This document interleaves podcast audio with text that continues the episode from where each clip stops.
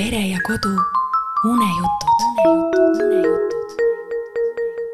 Sanna seebimulli maailmad. Pille Kannisto. ema kinkis Sannale seebimulli puhuja ja näitas, kuidas mulle puhuda. mullid meeldisid Sannale väga. tee seebimulle ainult vannitoas või õues, ütles ema. mullid lähevad lõpuks katki ja siis kukub seebivesi maha ning teeb kõik märjaks ja libedaks. Aga ära täna parem tee mulle, on juba hilja, hakkame magama minema. Sanna noogutas. ema läks toast välja ja Sanna uuris mullitajat. ta puhus prooviks ühe mulli mull tuli väga ilus ja mitmevärviline ning lendas toas rõõmsalt ringi. küll ma ikka oskasin ilusa mulli teha, oli Sanna enda üle uhke.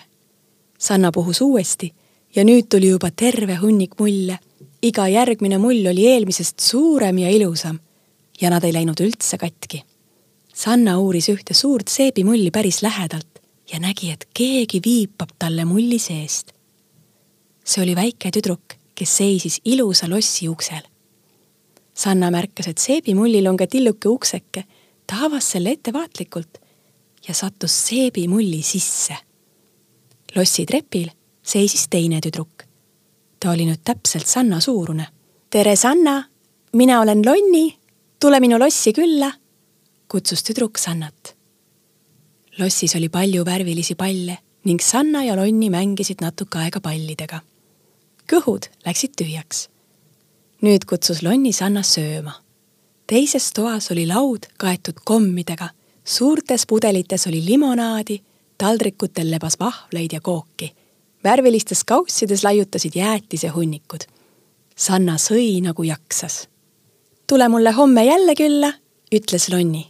Sanna noogutas ja astus seebimullist oma tuppa tagasi. aga mulle oli toas ju veel palju ühe mulli seest paistsid meri ja rand. meres ujusid ilusad värvilised kalad ja rannas olid rannalina ja päikesevari.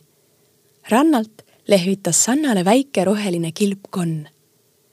teises mullis oli metsik džungel ja puude otsas istusid värvilised linnud. Kolmandas mullis oli piraadilaev, millel oli näha uhkeid piraate kuldrahadega tünne vedamas. kui põnevad mullid! Sanna otsustas et ta käib kõik mullid läbi, sest need on nii põnevad. järsku astus tuppa ema. kõik mullid läksid korraga plaksti katki ja põrand oli kaetud libeda seebiveega.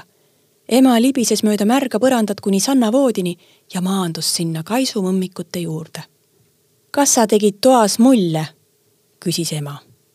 Sanna noogutas. nüüd saame põranda eriti puhtaks ütles ema rõõmsalt ja ei olnudki pahane, vaid tõi lapi. Nad kuivatasid koos Sannaga põranda ära. ema tegi Sannale musi ja soovis head ööd. Sanna pani silmad kinni ja jäi magama. unenäos olid seebimullid jälle kohal, veel suuremad kui enne. kõikidel olid uksed lahti ja seebimulli elanikud kutsusid Sannat külla.